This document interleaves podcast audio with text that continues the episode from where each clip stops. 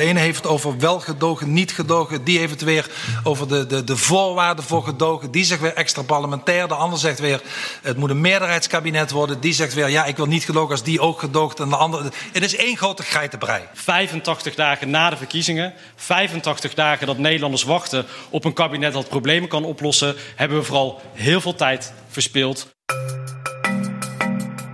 Dit is Betrouwbare Bronnen met Jaap Jansen.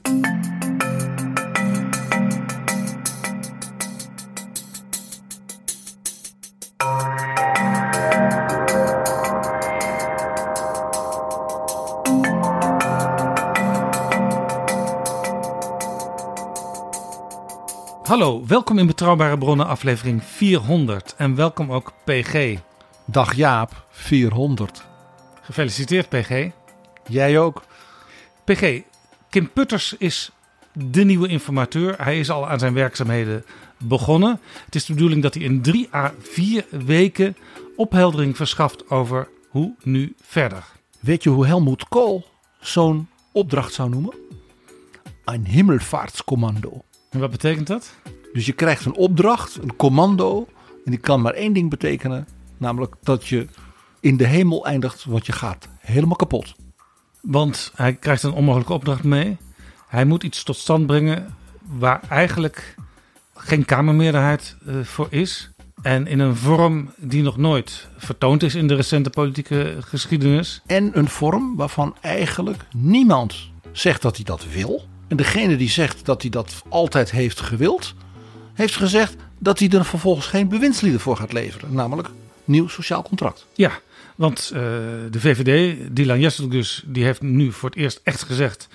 oké, wij gaan meedoen, maar dan moet NSC, nieuw sociaal contract, de Partij van Pieter Omtzigt, ook mee gaan doen. Om uit de impasse te komen, doe ik een stap naar voren. En ik vraag de heer Omtzigt om hetzelfde te doen. En Omtzigt heeft gezegd: wij gaan gewoon vanuit de Kamer steeds kijken of wij voorstellen kunnen steunen. We gaan ook geen akkoord sluiten met uh, zo'n kabinet. Nou ja, het is nog merkwaardiger.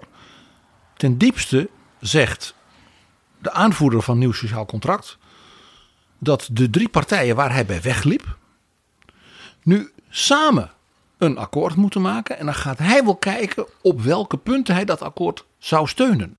Het lijkt mij logisch dat daarom de optie van een minderheidskabinet van VVD, PVV en BBB onderzocht wordt. Dus hij zegt in feite tegen ze: zoek het lekker met elkaar maar uit. En ik beoordeel dan wel of ik het goed genoeg vind. Ja. En ik praat wel niet mee, dus ze weten niet van tevoren of hij die dingen dan bij wijze van spreken adequaat gaat vinden. Dan gaan dus die drie partijen niemand vinden die in zo'n kabinet wil stappen. PG. Jij wordt geen minister van Onderwijs als je niet zeker weet dat bijvoorbeeld een aantal van de plannen waar jij voor tekent in een regeerakkoord, ja, ook voldoende steun gaan krijgen. Want anders is dus niet alleen Kim Putters bezig met een hemelvaartscommando, maar elke minister die in dat kabinet, inclusief ook de premier van dat kabinet, krijgt zo'n hemelvaartscommando. We hebben samen woensdag naar het uh, Kamerdebat zitten kijken over het eindverslag van informateur Ronald Plasterk. Daar gaan we het over hebben, PG. Maar eerst, zijn er nog nieuwe vrienden van de show? Die zijn er, Jaap. Alweer. Ja, dat is gewoon heel fijn. Dus een heel groot woord van dank aan Koen, aan Luc en aan Robert. En voor de eenmalige donatie, een gulle donatie aan Groentje. Dankjewel, Koen, Luc, Robert en Groentje. Wil jij ons ook helpen met een donatie? Ga dan naar vriendvandeshow.nl slash bb. Dit is Betrouwbare Bronnen. PG, we hebben samen gekeken naar dat uh, debat over het eindverslag van de informateur.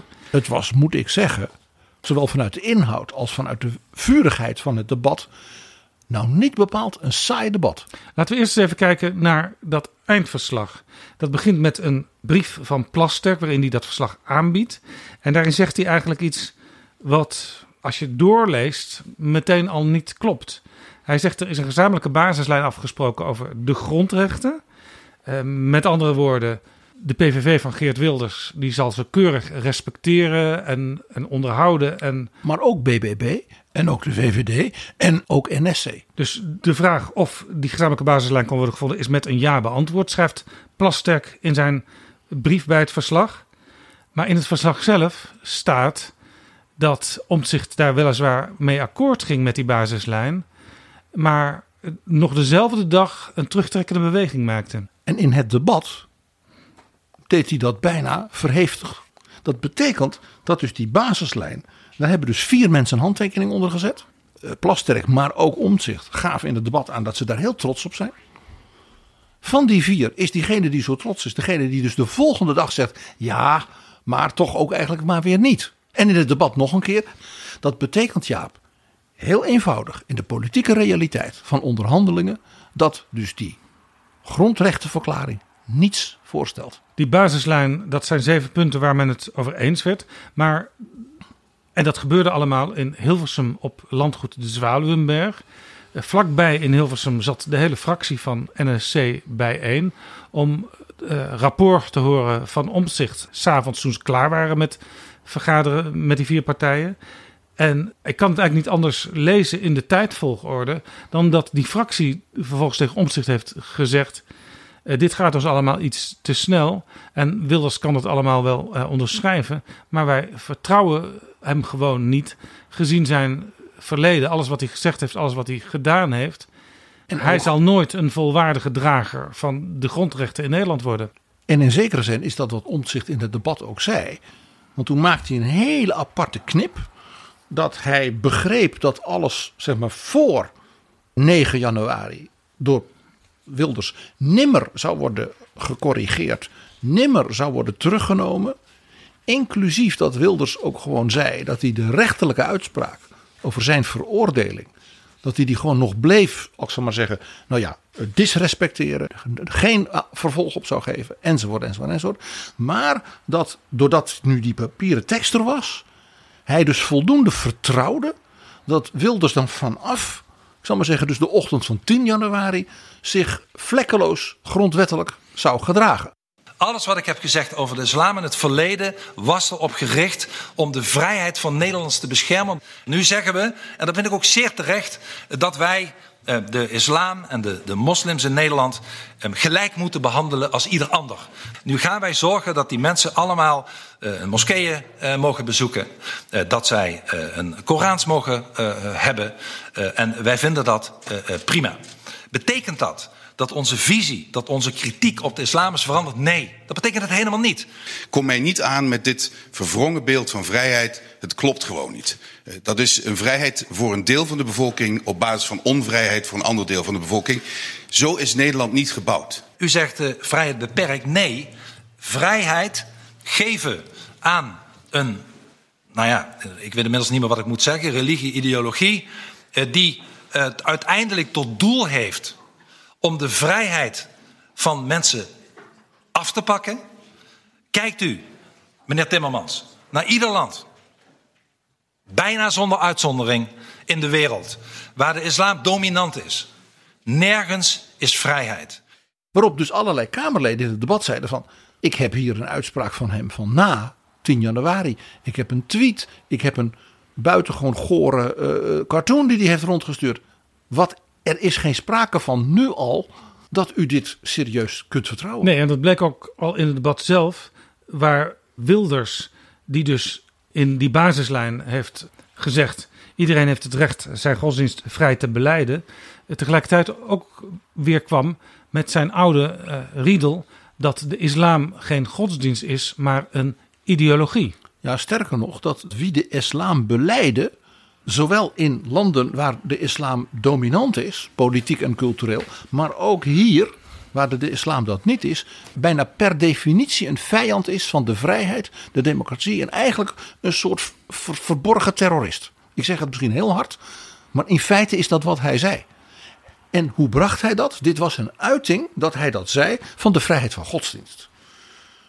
Dit was, vond ik, een filosofisch, staatsrechtelijk gezien, een novité. Ja, nou kun je natuurlijk zeggen, want als je doorleest in die basislijn, staat er ook dat religiekritiek vrijstaat aan personen en organisaties. Bijvoorbeeld op islam en christendom staat erbij.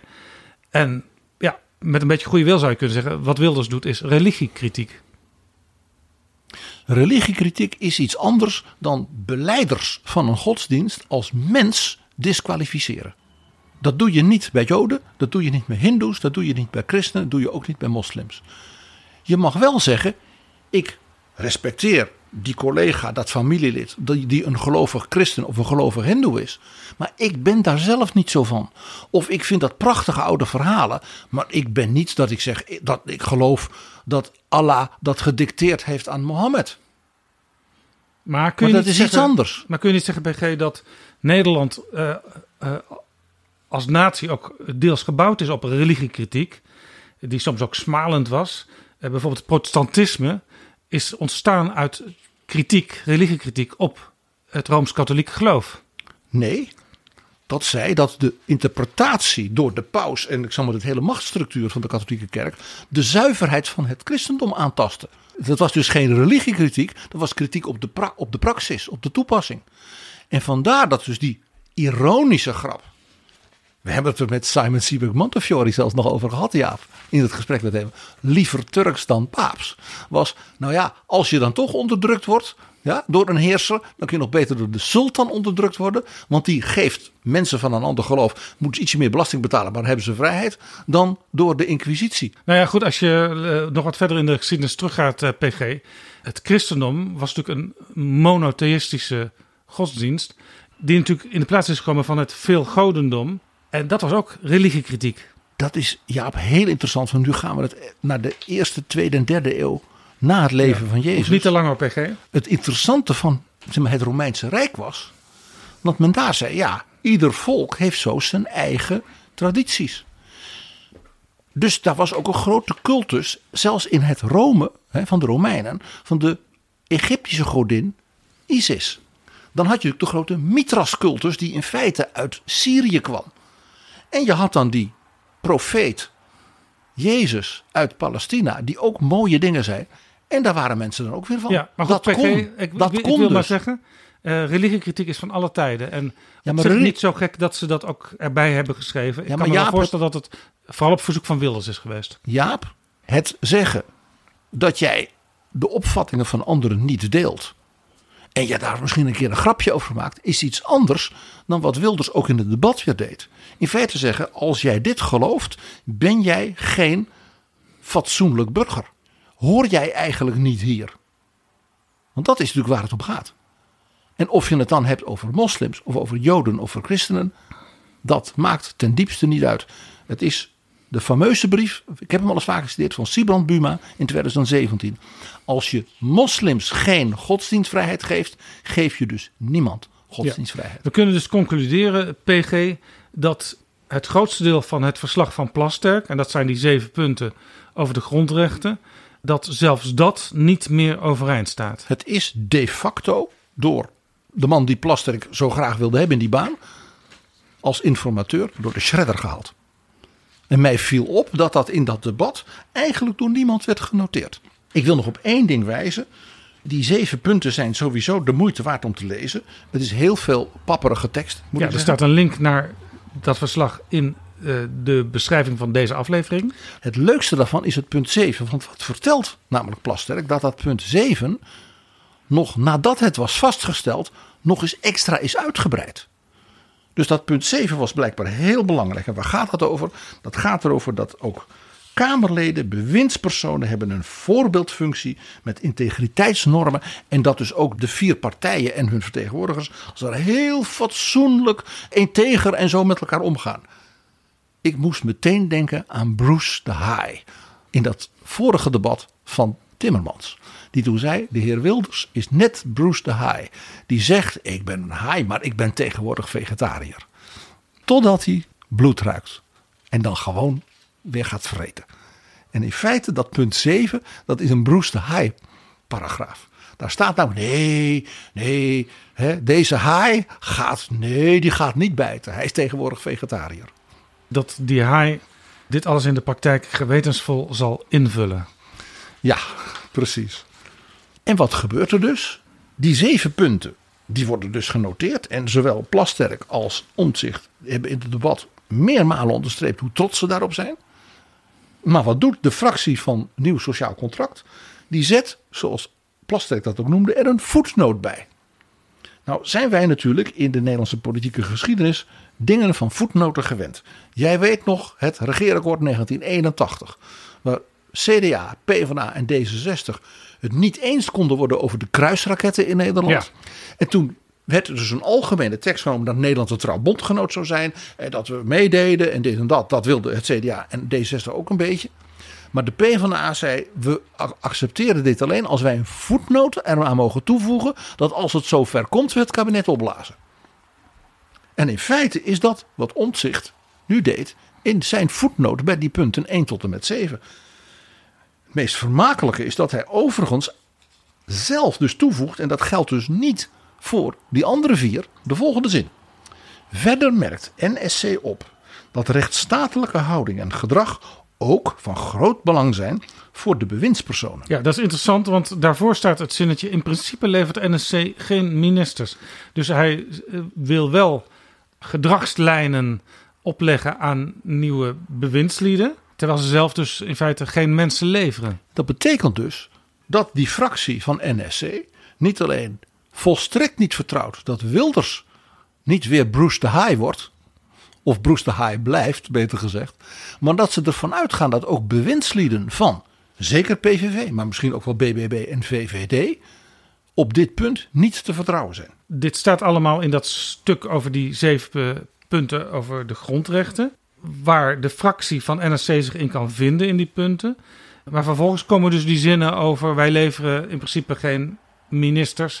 Maar we willen wel iets te zeggen hebben over het gedrag, het toekomstige gedrag van die ministers. Ja, dus en- het is allemaal heel dubbel. Ja, want ook die prachtige formulering, ik vind hem heel mooi gevonden, dat de rechtsstatelijke afstand tot de, tot de PVV te groot blijft. En dat is dan weer gebaseerd op het bekende verleden van Wilders en de PVV. En dat wisten ze dus elke dag dat ze aan tafel zaten, nog voordat ze zelfs over die grondrechten gingen praten. Dat heeft, is altijd zo geweest en dat blijft dus altijd zo. Dus ze hebben daar wel 83 dagen met elkaar gezeten, terwijl dit in het hoofd van Omtzigt al speelde. Ze hebben dus alle dagen daar gezeten, verwachtend dat Bruce de Haai zou gaan bijten. Wat hij natuurlijk voorlopig niet doet. Hij kijkt wel uit. Tot hij dus in het Kamerdebat weer vol op het orgel ging. Vanuit de gedachte. Want Wilders is natuurlijk een begaafd politicus. Ik heb geen deal. Want je bent weggelopen, beste Pieter. Nou ja, en dat, Dus ik hoef mij ook niet meer te houden aan die afspraak. En ik ga net doen of ik me eraan hou. Dus ik ga nu beweren dat de, het respecteren van de godsdienstvrijheid betekent dat ik de meest gore dingen kan zeggen over mensen met een ander geloof. het vinden van die basislijn was opdracht 1 van informateur Plasterk. En die is dus de facto mislukt. Vervolgens gingen ze over naar fase 2 en dat was kijken of ze op de inhoud dichter bij elkaar zouden komen zonder officieel al te gaan onderhandelen. Nou, ze hebben dus eh, over heel veel onderwerpen hebben ze het uitgebreid gehad. Maar daar krijgen wij als buitenstaanders en ook de Tweede Kamer krijgt daar niks over te horen of te lezen. Want ja, er is uiteindelijk geen zicht op overeenstemming gekomen. Dat is nog gekker. Plasterk schrijft. Ik moet die zin even voorlezen, Jaap. De vier onderhandelende partijen zijn niet toegekomen aan een gezamenlijk antwoord op de vraag hè, van is er perspectief, omdat de fractie van NSC zich op 6 februari uit deze informatieronden heeft teruggetrokken. Dus hij zegt in feite, ja, er is niks, omdat NSC niks meer wilde. Ja, en er staat letterlijk in de tekst: het is pas gedaan als het volledig gedaan is. En dat was eigenlijk wat jij in de vorige aflevering van Betrouwbare Bronnen over de kabinetsformatie zei. Er is geen agreement als er geen agreement over alles is. Er is niks als er niet alles is. Ja, Dat is een classic in elk serieus onderhandelingsproces. En wat hieruit blijkt, is dat men dus rond de tafel van Plasterk met elkaar heeft gepraat. En omdat die fase 1 al met een voetnoot eindigde, die feitelijk betekent dat men geen overeenkomst had, is men dus eigenlijk gewoon nog een maand, meer dan een maand, doorgegaan. En dat is natuurlijk in feite volstrekt amateuristisch. en dan is het gekke dat Ronald Plasterk en vooral ook Geert Wilders in de Tweede Kamer met een motie die hij al aankondigde in zijn eerste termijn in het debat, eigenlijk eh, zeggen er moet doorgegaan worden op basis van alles wat er al besproken is. Wat ook eh, Frans Timmermans van GroenLinks PvdA tot de opmerking bracht. Ja, eh, is het dan eigenlijk niet logisch dat die vier partijen die toch al met elkaar zaten en dus inclusief Omtzigt dat die gewoon die komende drie à vier weken onder leiding van de nieuwe informateur gaan praten. Want een, een, een ander alternatief, in welke vorm dan ook, is er niet. Mijn eigen stap naar voren is de extra parlementaire, omdat ik dat de meest realistische nu vind. Maar uw voorkeur voor de samenwerking met de BBB en de PVV is zo manifest, zo duidelijk. Dat ik absoluut niet begrijp dat we tijd moeten verliezen met van alles onderzoeken. Met een experiment, met een uh, extra parlementair uh, kabinet. waar u niet eens duidelijk over bent hoe dat eruit zou moeten zien. Dat kan van allerlei vormen hebben. En het meest interessante is dat natuurlijk de boef, ook een klein beetje Bruce de Haai zelf, Frans Timmermans, natuurlijk donders goed wist wat het antwoord hierop zou zijn. Nou nee, want dat wil NSC niet. Want NSC wil iets, namelijk een minderheidskabinet van die drie, dat dan naar de genade van Pieter, ja, die overigens was weggelopen, hè, dus eigenlijk geen overeenkomst met hen wil, zou zijn overgeleverd. Vandaar dat ik zei een hemelvaartscommando. Ook blijkt uit het eindverslag, wat we natuurlijk al vermoeden, dat over de financiële situatie van het land niet meer duidelijkheid is geschapen in deze informatieronde, maar de chaos nog meer is vergroot. Ja, want die financiële situatie, dat was eigenlijk de druppel die de emmer deed overlopen voor Pieter Omtzigt, waardoor hij stantepeden uit de kabinetsformatie vertrok. Het was wel de druppel die de emmer deed overlopen. Terwijl hij in feite al op 10 januari had geconcludeerd, ja, met kabinet waar de PVV in zit, kunnen wij geen meerderheid vormen. Wij kunnen hoogstens op afstand gedogen. Door de standpunten in het PVV-verkiezingsprogramma, maar ook de uitlatingen in het verleden, die zoals we ook vandaag gezien hebben, niet worden genuanceerd of teruggenomen. Er zit een heel interessant detail op bladzijde 5 in dat eindverslag. Dat is, we hebben gepraat met dus die bijzondere financiële experts. Klaas Knot van de bank en de SG van Financiën en het Centraal Planbureau. Ja.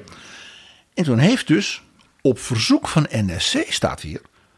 De vraag is dan uitgegaan: kunnen de ministeries een soort overzicht geven van de meest actuele risicofactoren en dergelijke? Ja, waarschijnlijke tegenvallers. En met een inschatting van de potentiële omvang en het risico dat het zou. Dat staat er. Je vraagt dus om tegenvallers. Maar dat betekent dat de puzzel geen compleet beeld geeft. Want er zijn ook nog altijd meevallers. En er zijn ook nog altijd hele waarschijnlijke en minder waarschijnlijke tegenvallers. En iedereen zegt, die met dat beeldje gehakt heeft... vanuit ministeries komen altijd de meest zwarte scenario's. Daar hadden we het in de vorige aflevering over de formatie ook al over. Het voorbeeld werd dan ook genoemd in het debat.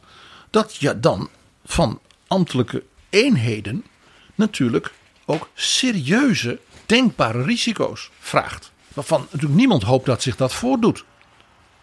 Ik noem er twee. Een gigantische overstroming, wat zou dat gaan kosten? En stel je nou voor dat Willem-Alexander doodgaat. En wat blijkt nu uit de tekst van Plasterk? Dat die vraag uitging op 23 januari naar die ministeries.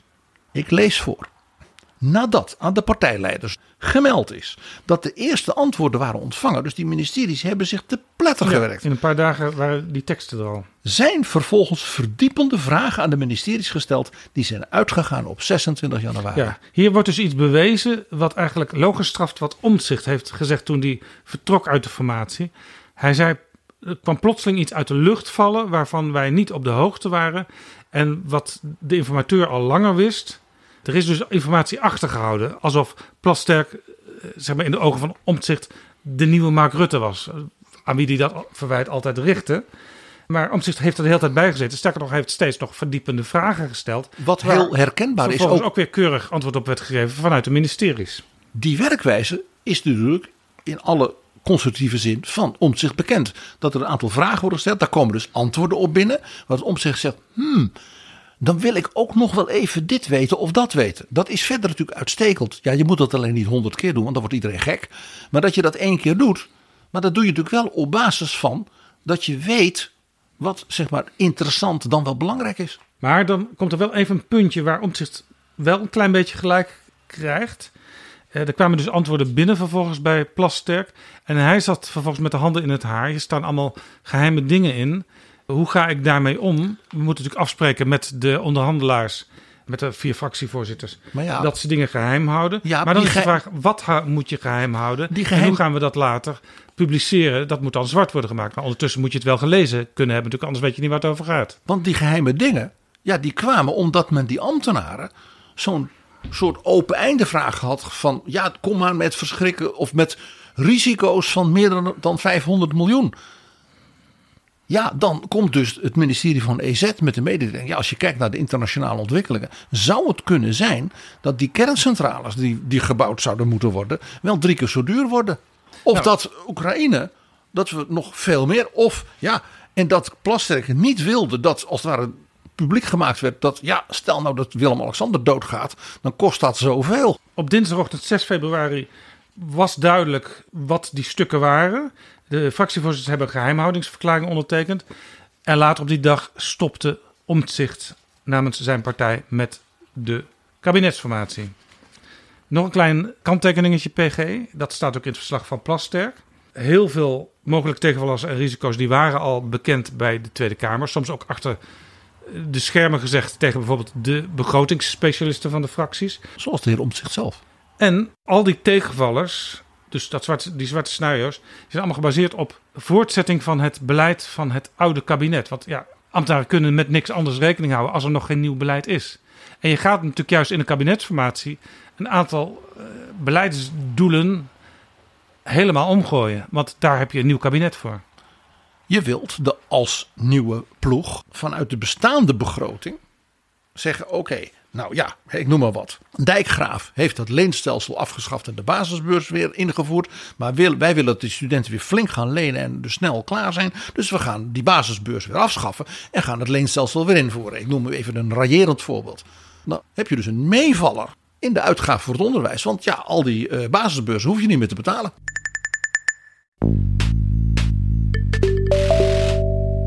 Dit is Betrouwbare Bronnen, een podcast met betrouwbare bronnen.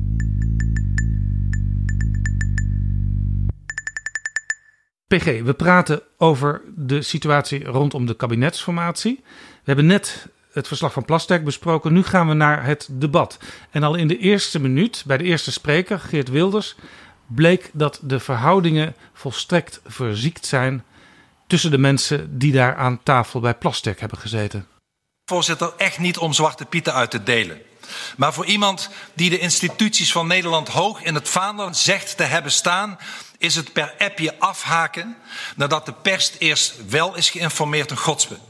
Zo ga je niet met het instituut informateur om en trouwens ook niet met je onderhandelingspartners. En het weglopen, voorzitter, was bovendien totaal onnodig. als het idee was, wat ook uit de vele complimentjes die Plasterk kreeg van onder andere mevrouw Jesselgus, dat hij een grote verbinder is geweest. En de mensen warm voor elkaar maakte en dicht bij elkaar bracht, dan is dat niet helemaal gelukt. Want de verhoudingen zijn, nou ijzig is het woord niet, de meest vreselijke dingen. Zei men over elkaar en met name over de heer Omtzigt. Wilders die zei bijvoorbeeld: Ik begrijp helemaal niets van omzicht. Dat je per app afhaakt, is een godspe. En hij zei: Als jij degene bent, en hij bedoelde dus omzicht, die voortdurend roept, dus ook tegen Wilders, dat je de instituties en de grondrechten en het fatsoen ja, wilt verdedigen, dat jij je dan zo gedraagt naar het instituut van de informateur en ook nog naar de collega's met wie je onderhandelt. Dat was spijkerhard. En wat hij daarmee in feite zei van die zeven punten. Jij hebt je daar in je gedrag naar ons en naar het instituut van de informateur volstrekt zelf niet aan gehouden. Dat was natuurlijk in feite wat Wilders zei. Mevrouw Jesselgus deed dat heel kort. Die zei dat ze het verschrikkelijk vond dat ze hier zo moest staan. Hè, dus met niks. En dat er dus een impasse was. Een onmogelijke impasse gaf ze ook aan. En, die was te nooit danken conclusies kunnen trekken. en dat was te danken aan één partij. En ze dacht, daarmee heb ik genoeg gezegd.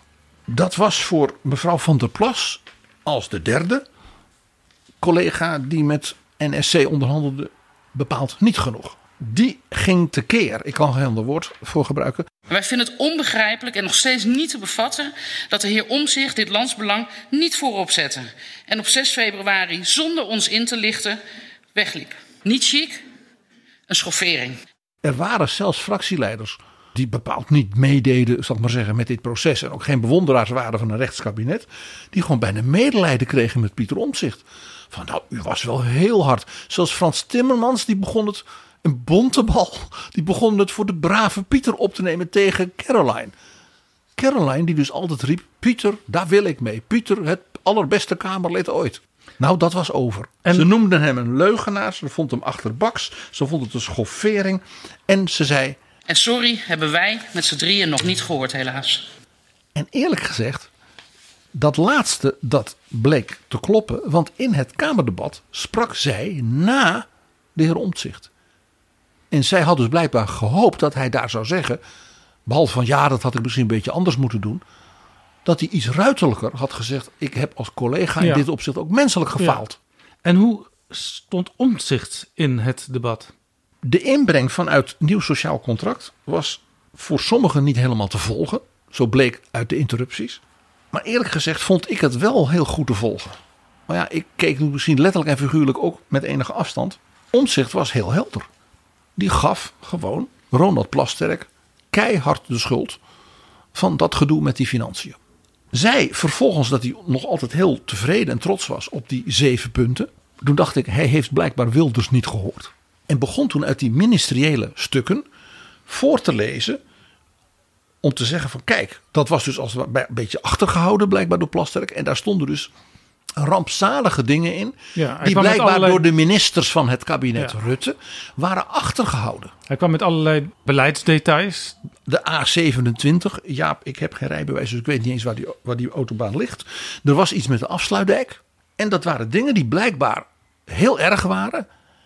En die dus achtergehouden waren en pas nu zichtbaar waren. Dus hij zei in feite dat de ministers van het kabinet Rutte 4 de Kamer gewoon hoogelijk belasterd had. Ja, en dat liet Rob Jetten, fractieleider van D66, maar ook minister van Economische Zaken en Klimaat, niet op zich zitten. Ik vind dit echt kwalijk wat er nu gebeurt.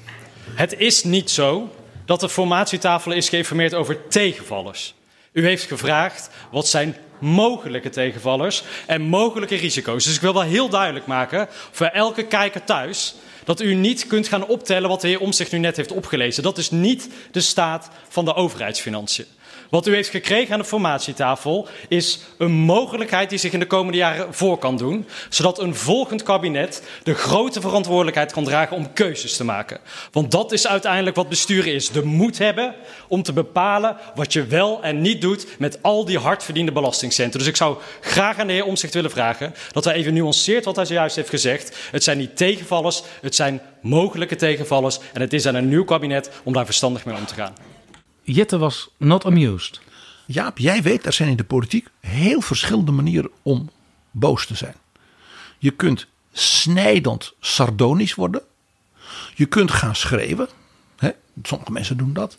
Je kunt ook heel, heel strak worden. Dat laatste, dat deed Rob Jetten. En Omtzigt had daar volstrekt niet van terug. Die begon zelfs te zeggen, ja, u heeft, de minister heeft die brief zelf getekend. Rob Jetten nog bozer werd en nog strakker. Want die kon gewoon bewijzen dat dat niet waar was. Dus dat werd heel pijnlijk. En hij wees erop. Hij zegt, de cijfers die dus die ambtenaren hebben aangeleverd in volstrekte integriteit. Zijn dus gebaseerd op de vraag die u heeft geformuleerd. Niet wij. Niet die demissionaire ministers. Om dus dat soort scenario's om nou te doen alsof die scenario's de werkelijkheid zijn. En dus de zittende ministers, hij bedoelt dus onder andere ook zichzelf, verwijtend te maken alsof zij dus de Kamer en de samenleving hebben belazerd, dat had geen pas. De informateur heeft toen hij helemaal aan het eind van het debat de kans kreeg, daar nog even een beetje, ik zeg maar zeggen, zout in de wonden gewreven. Door wat achterloos te melden dat hij de betreffende ministeries had gevraagd: zitten daar nou dingen bij hè, die jullie melden in die mogelijke risico's, die van hele, ja, hele grote gevaren wat niemand wist? Zei ze, nou ja, dat zijn bijvoorbeeld dingen als stel nou dat er een grote overstroming komt. Ja. Maar dat een heel groot deel van die mogelijke financiële tegenvallers de Kamer al lang waren verteld. Oftewel, Plasterk zei, NSC wist dit allemaal al. Dus daar zo'n nummer van maken, daar gelooft de Plasterk niet in. Tenminste, als je goed had opgelet. En ja, je kunt je niet voorstellen dat in elk geval Omzicht zelf niet goed oplet bij dit soort dingen. Want hij leeft van cijfers, tabellen, overzichten. Nog meer details, nog meer doorvragen. Toen werd hem natuurlijk gevraagd, van, door, onder andere door Timmermans, door Bontebal en dergelijke. Maar meneer Omtzigt, we hebben een heel verhaal van u. Hij heeft ook een heel groot verhaal over hoe belangrijk de grondwet was. Alsof niemand dat wist. Maar wat doet u nou met de stap vooruit? Zoals Dylan Jesselgus dat noemde van de VVD. Die Ja. zegt, wij zijn bereid ministers te leveren. Dus niet meer te gedogen. Maar dan moet NSC dat ook doen.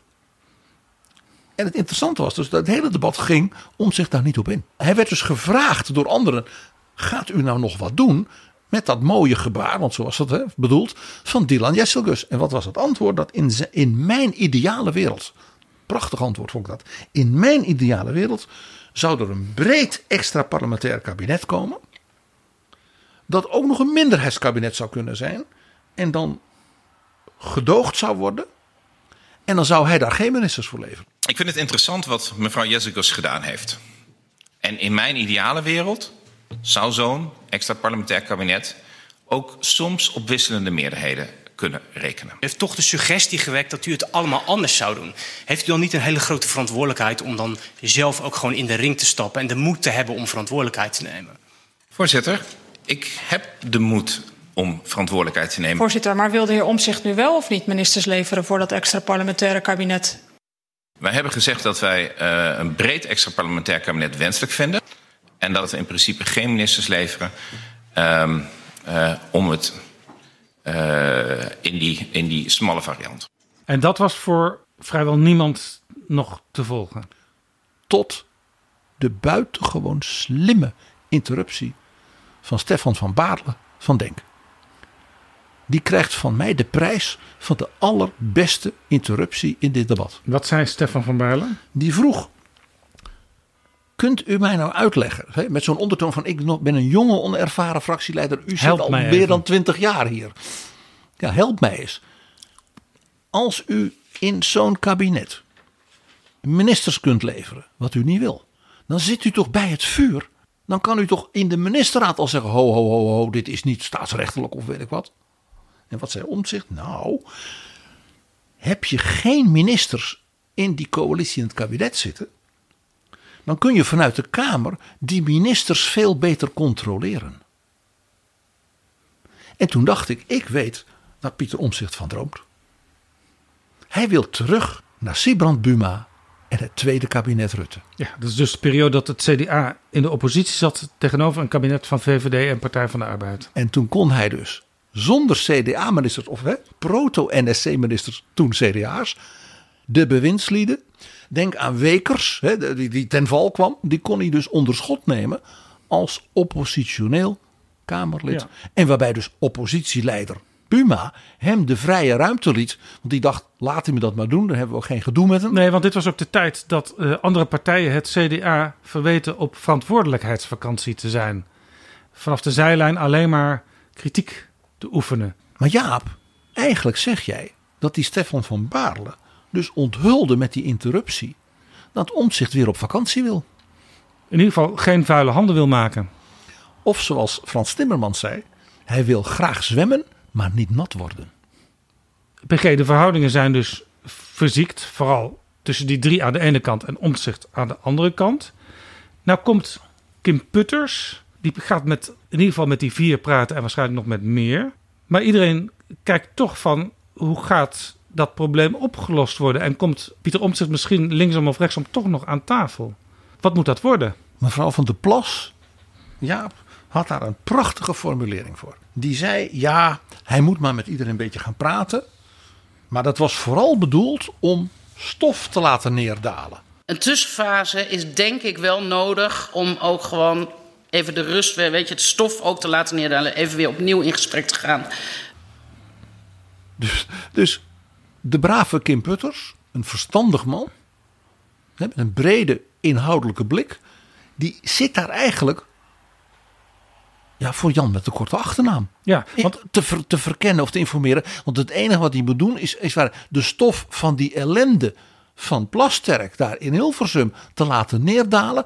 Maar eigenlijk gaat ook mevrouw van der Plas er niet vanuit dat het iets oplevert. Ja, en een beetje met een stofdoekje bewegen, et cetera, et cetera. Terwijl als je iemand met de kwaliteit van Putters neemt, dan krijg je iemand waar ook destijds Mariette Hamer onbekend stond binnen.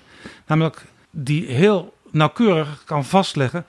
eh, Wat is nou eigenlijk het probleem in Nederland? Hoe staan wij in Europa en in de wereld?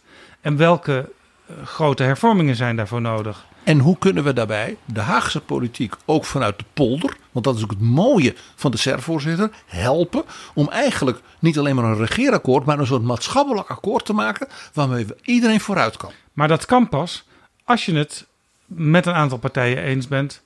Dat je met elkaar wil samenwerken en dat je daar ook compromissen over wil sluiten. Dus het is eigenlijk een fase die pas na de fase die nu is ingegaan kan komen. Dus de heer Putters vragen om als het ware de tijd te doden om stof te laten neerdalen, is eigenlijk naar hem een affront.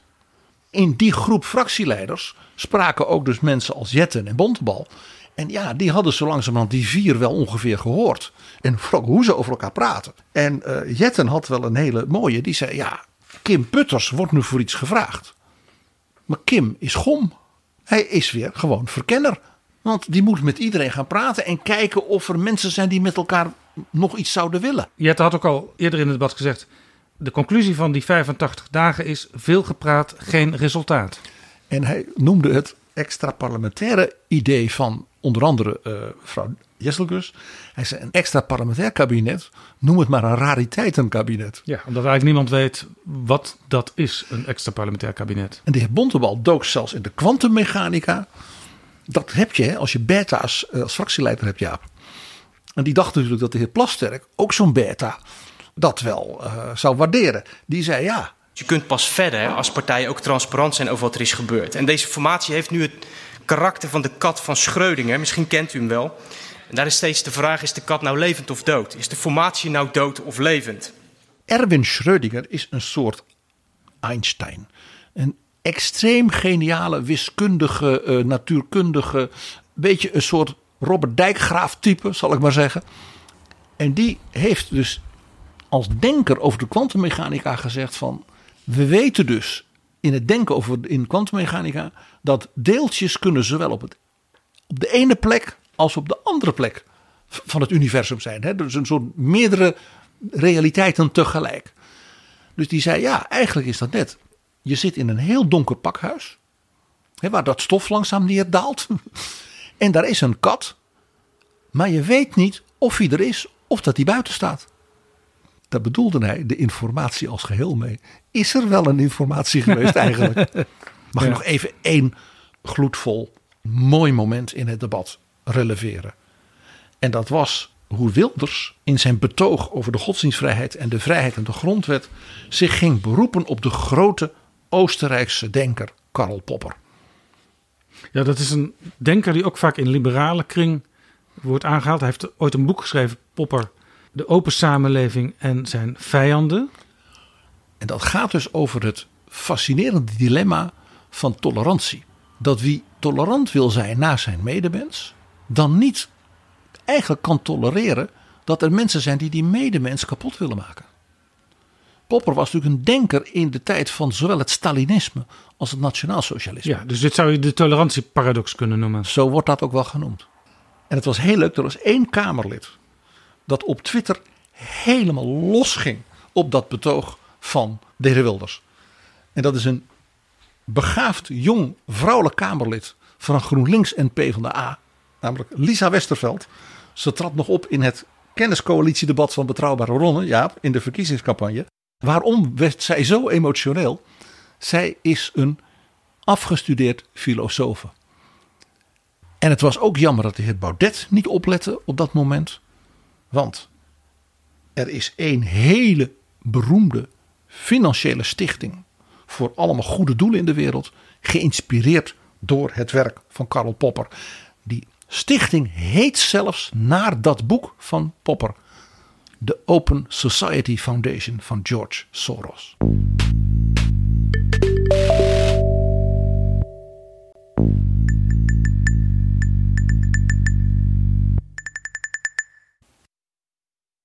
PG, zoals altijd, als er gedebatteerd wordt over het eindverslag van een informateur, dan beantwoordt de informateur een aantal vragen die zijn gesteld in het debat. Hij mag dan niet geïnterrumpeerd worden. Er mogen hoogstens aan het eind van zijn verhaal nog een paar extra vragen gesteld worden. Ophelderingen, wat bedoelde u daarmee? Maar het verhaal van Plasterk, op een gegeven moment kreeg ik het idee, het is een beetje een lullenpot. Alsof je een grote tafel met allemaal mensen met een glas in de hand toespreekt omdat iemand uh, jubileert. En je een gloedvol betoog over die persoon en de vriendschap wil houden. Het ging eigenlijk alle kanten op. Nou ja, één ding, maar dat heb ik al aangestipt, was dat hij even erop wees uh, dat wat omzicht over die minister, ministeriële brieven schreef. En de inhoud daarvan gewoon niet waar was. Ja, hij mocht niet geïnterrumpeerd worden. Dus hij dacht, die kans grijp ik. Maar dat gaf ook weer aan hoe dus verziekt de verhoudingen waren. Dat een informateur denkt, ik mag toch niet geïnterrumpeerd worden. Dus nu ga ik gewoon nog een keer zeggen, jij bent een leugenaar. Ja. Dat is natuurlijk verschrikkelijk. En wat we ook zagen, PG, was dat de columnist Ronald Plasterk blijkbaar zijn taak weer hervat had. Want hij zei op een gegeven moment in een bijzin: Ik ben lid van de Partij van de Arbeid, voor zover die nog bestaat. Waar natuurlijk iedereen om moest lachen, want ja, de Partij van de Arbeid is een fractie samen met GroenLinks tegenwoordig. Het was heel interessant. Er werd gemispeld, zo gelacht, gelachen. Ook op het voorste bankje van de nieuwe fractie GroenLinks PvdA door Jesse Klaver. Maar de man naast Jesse Klaver lachte volstrekt niet. Die kreeg een heel strak gezicht. En je kon zien, die was tot in het diepst van zijn ziel gegriefd. En vervolgens ging Frans Timmermans, over wie jij het hebt, ook naar de interruptiemicrofoon. En toen werd het ja, bijna een soort snip en snap tussen Plasterk en Timmermans. Is ook wel omdat ik lid ben uh, van de Partij van de Arbeid voor zover. Ja, nee, ik ben lid van de Partij van de Arbeid. ik wou zeggen voor zover die nog bestaat, maar dat, dat laat ik even in het midden. Maar de kansen dat u erelid wordt zijn wel wat kleiner geworden, heb ik het idee. Hè? Ja. De heer Wilders. Kunt u daar wat meer over uitweiden? Nou, ik kan zeggen, ik ben 46 jaar lid en betaal trouw mijn, via automatische afschrijving mijn contributie voor de partij van de heer Timmermans. En, uh, Voorzitter, en wij, wij, wij, gebruiken die contributie ook om de samenwerking met GroenLinks verder te stimuleren. um, en ik wil ook uh, de heer Plasterk enige troost bieden. Zijn column in de Telegraaf is niet uitgekomen, maar zijn ingezonden brief in de Volkskrant in 2017, waar hij sterk voor pleit dat GroenLinks en Partij van de Arbeid nauwer samenwerken. Nou, die is wel uitgekomen. Voorzitter, ik, ik, ik, vind het, ik vind het een vooruitgang, laat ik dat zeggen. Want de laatste keer dat de heer Timmermans in deze Kamer sprak over mijn columns, zei hij nee. Dat stond in de Telegraaf, die lees ik niet. Um, en nu blijkt hij dat toch gelezen te hebben. En dat.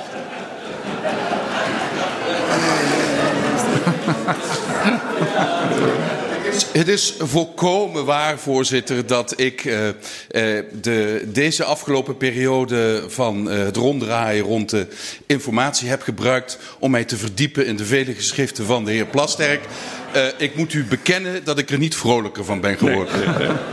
Voorzitter, dat is mij uit de kringen van de Partij van de Arbeid vaker toegevoegd. Met, ik, ik, ongeveer met mijn duiding was, ja, dat is een krant voor, dat, ja, voor, voor, voor arbeiders. En uh, daar hebben wij niet zoveel mee te maken. En, uh, dus ik moet zeggen dat in de buurt waar ik woon, als ik boodschappen doe op de Dappermarkt, word ik door iedereen aangesproken die hem wel heeft gelezen. Ja, dit.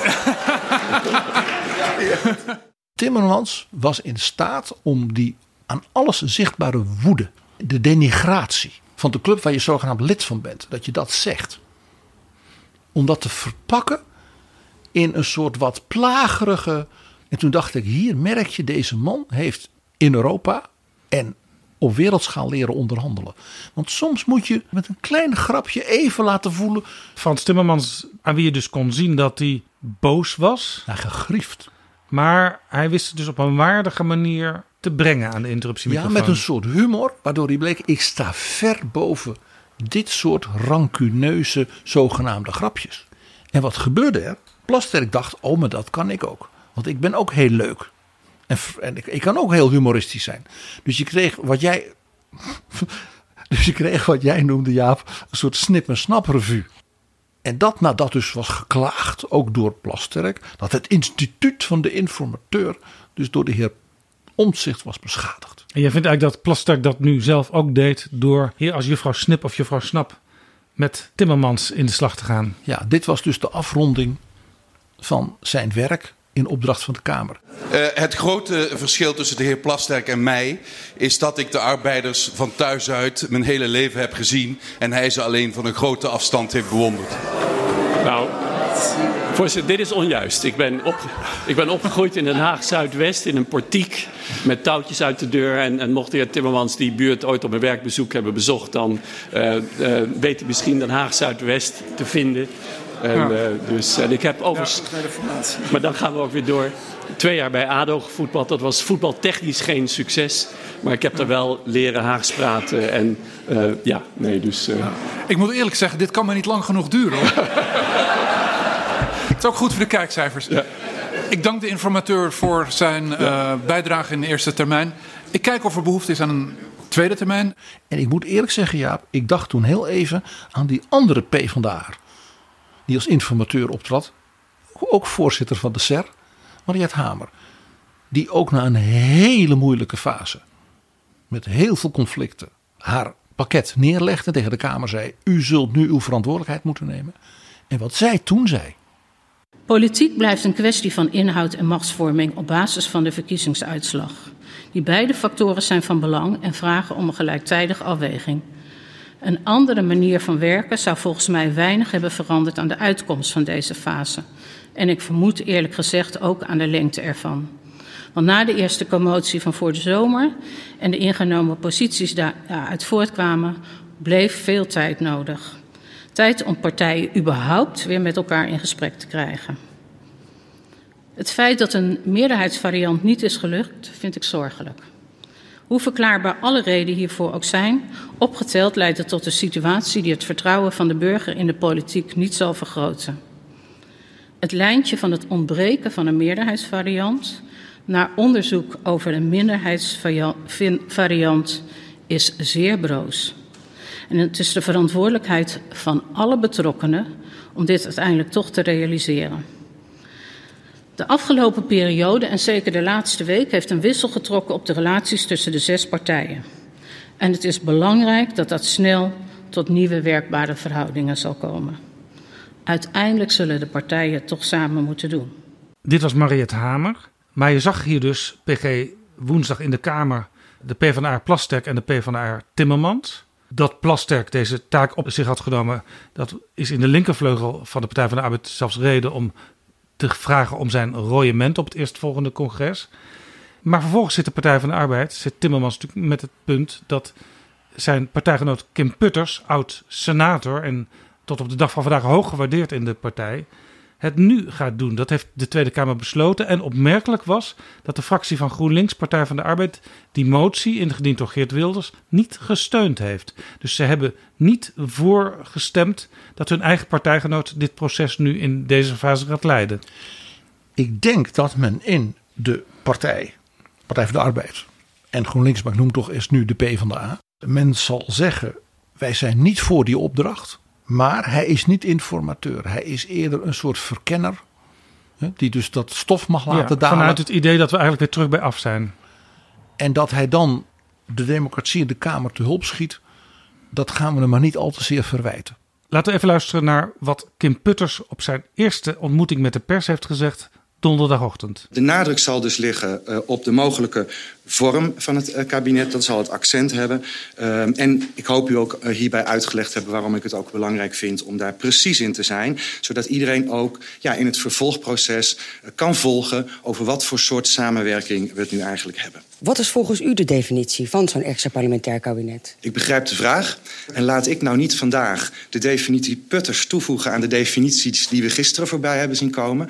Uh, mijn doel is om de komende dagen, week, heel precies ook met hulp van een aantal experts in beeld te brengen waar we het over hebben. En vervolgens natuurlijk het beeld van de fractievoorzitters uh, daarbij op te halen. Want dat is het uiteindelijke doel, dat we met elkaar een beeld vormen, ook een gedeeld beeld, of je er nu aan mee gaat doen of niet, maar een gedeeld beeld over wat het eigenlijk is. Dit was Kim Putters bij zijn aantreden als informateur. Nou Jaap, zowel Rob Jetten als in zekere zin ook Timmermans hebben dus gezegd: ja, we beginnen gewoon weer bij nul. En hij is dus ja, Gom van Strien de Tweede. Ik ben dat niet met ze eens. Want een verkenner die na meer dan 80 dagen opnieuw moet beginnen, begint niet bij nul. Die begint bij min 17. Ook qua temperatuur. Die heeft dus een enorme politieke en persoonlijke en zelfs bijna culturele ballast. Waar hij aan moet sjouwen. En heel veel narigheid waar hij als het ware doorheen moet graven. Om te kijken of het nog wat wordt. Ja. En in dat opzicht had Rob Jetten met een andere opmerking veel meer gelijk. Ja. Hij zei: Dit is een verkenner. Ja, hè. Hij zei: Het is eigenlijk meer iemand die relatietherapie moet gaan beoefenen. Dat was zelfs een reden voor Jette en ook van een aantal andere fractievoorzitters om te twijfelen of ze die motie van Wilders om naar die volgende fase te gaan wel moesten steunen. En de eindconclusie was van Jetten na een tijdje in het debat dat hij zei: Ja, ik vind het helemaal niks. En dat we weer bij voor af aan moeten beginnen is een verspilling van tijd. Terwijl we die niet hebben. En Nederland heeft die niet. Maar er moet weer een informateur komen. Nou ja, dan maar Kim Putters, want dat is misschien wel een verstandige man. Dus Jette zei: Daarom zal ik alles afwegen, dan toch maar voor de motie Wilders stemmen. En dat werd onmiddellijk bijgevallen door mevrouw Bikker van de ChristenUnie, door Bontenbal en dus niet door Timmermans. En hij staat dus voor een schier onmogelijke opdracht. We hebben het in het begin van deze aflevering al besproken. Maar Jaap, Putters heeft u ook goed naar het debat geluisterd. Want die wist toen al dat zijn naam zou worden genoemd. En die heeft dus mevrouw Jesselgus in feite heel keurig horen definiëren waar hij mee uit moet komen. Want zij liet zich ook heel mooi in de kaarten kijken. Want wat zij zei, nou ja, eh, het meest realistische wat er nu gaat komen, en daar wil ik wel aan bijdragen, dat is een extra parlementair kabinet, waarvan niemand weet wat het is. Maar dat betekent dus dat er ministers komen, bij voorkeur van buiten, met een soort algemeen hoofdlijnenakkoord. En dan gaan wij die mensen positief benaderen. Ministers van buiten. Jaap. De PVV heeft geen ministers van buiten. BBB heeft geen ministers van buiten. Omtzigt heeft zelfs gezegd: ik wil geen ministers leveren. En mevrouw Jesselgus heeft nu gezegd dat zij wel nu bereid is. Hè, dat was haar mooie gebaar om het wel te doen. Dat kabinet gaat dus vol zitten met halve en hele VVD'ers. Want mevrouw Jesselgus heeft ook openlijk voor de motie gestemd van Joost Eertmans. Namelijk dat de Tweede Kamer een soort morele plicht heeft nu een rechtskabinet te maken. De Kamer gehoord de beraadslaging. Eh, constateert dat de kiezer de Kamer een groot rechtsmandaat heeft gegeven. Overweegt dat een kabinet zonder duidelijke rechtssignatuur geen recht doet aan de verkiezingsuitslag. Spreekt uit dat er werk moet worden gemaakt van een rechtskabinet. Gaat over tot de orde van de dag. Eertmans. Dat betekent dus dat er een heleboel mensen die misschien wel uitstekende ministers zouden kunnen worden, niet hier zullen toetreden. Want die zeggen: ik wil mijn expertise wel geven, ik wil het land ook wel helpen, ook in een extra parlementair kabinet, maar niet een rechtskabinet dat afhankelijk is van omzicht, van BBB, die allemaal met mij als extra parlementair minister geen band hebben. De enige met wie ik nog een beetje een band heb als rechts, mogelijk rechtse minister is de VVD. Dus de heer Putters weet dus wat hem te doen staat. In feite een kabinet Jesselgus maken met een heleboel ex-VVD'ers of halve VVD'ers. Maar dat dan waarschijnlijk in een volgende fase. Want ik zei het al, PG. Putters is eigenlijk heel sterk, zoals we hem kennen, in het analyseren van de grote problemen van Nederland. Hij was al eens bij mij te gast in Betrouwbare Bronnen in een aflevering die getiteld was Smeulende kwesties in een welvarend land. Want zijn boek was toen net uit en dat heette Veenbrand. En Kim Putters kijkt altijd naar de vraag: hoe kun je de kloof verkleinen tussen de bevolkingsgroep die positief en optimistisch in het leven staat en de groep die het vaak veel somberder uitziet. Nou ja, die groepen die zien we natuurlijk nu voortdurend in de samenleving en ook in de politiek. En die worden ook door de verkiezingsuitslag, zou je kunnen zeggen, gedwongen om samen te werken. Want tot die optimistische groep behoren veel VVD'ers. En tot die hele sombere groep horen bijvoorbeeld PVV en BBB.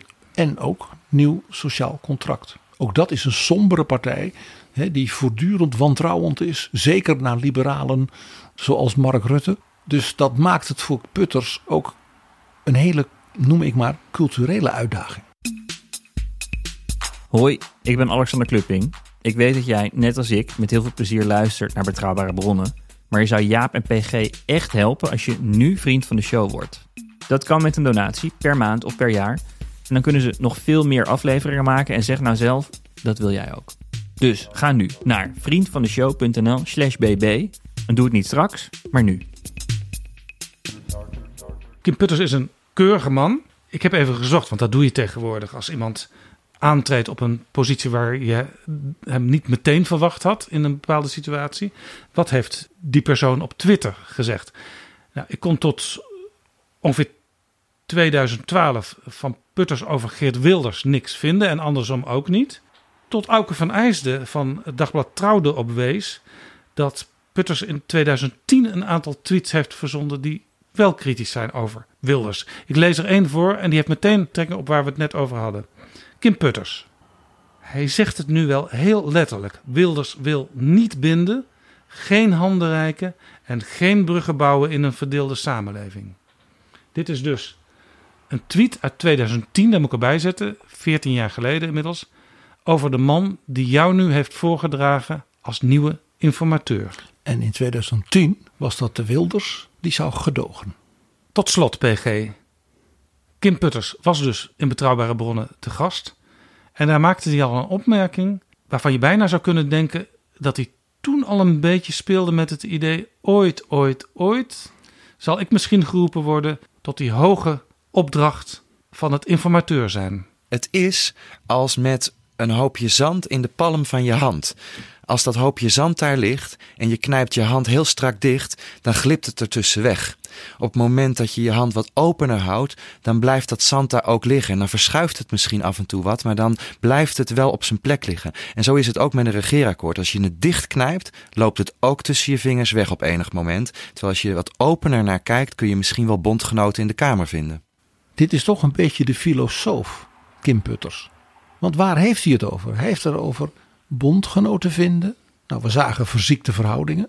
En hij heeft het over, je kunt beter de hand wat open hebben. Dan beweegt het misschien een beetje, maar loopt niet alles weg. Ik ben benieuwd hoeveel open handen hij de komende paar weken hè, voor elkaar krijgt, Jaap. Dankjewel, PG.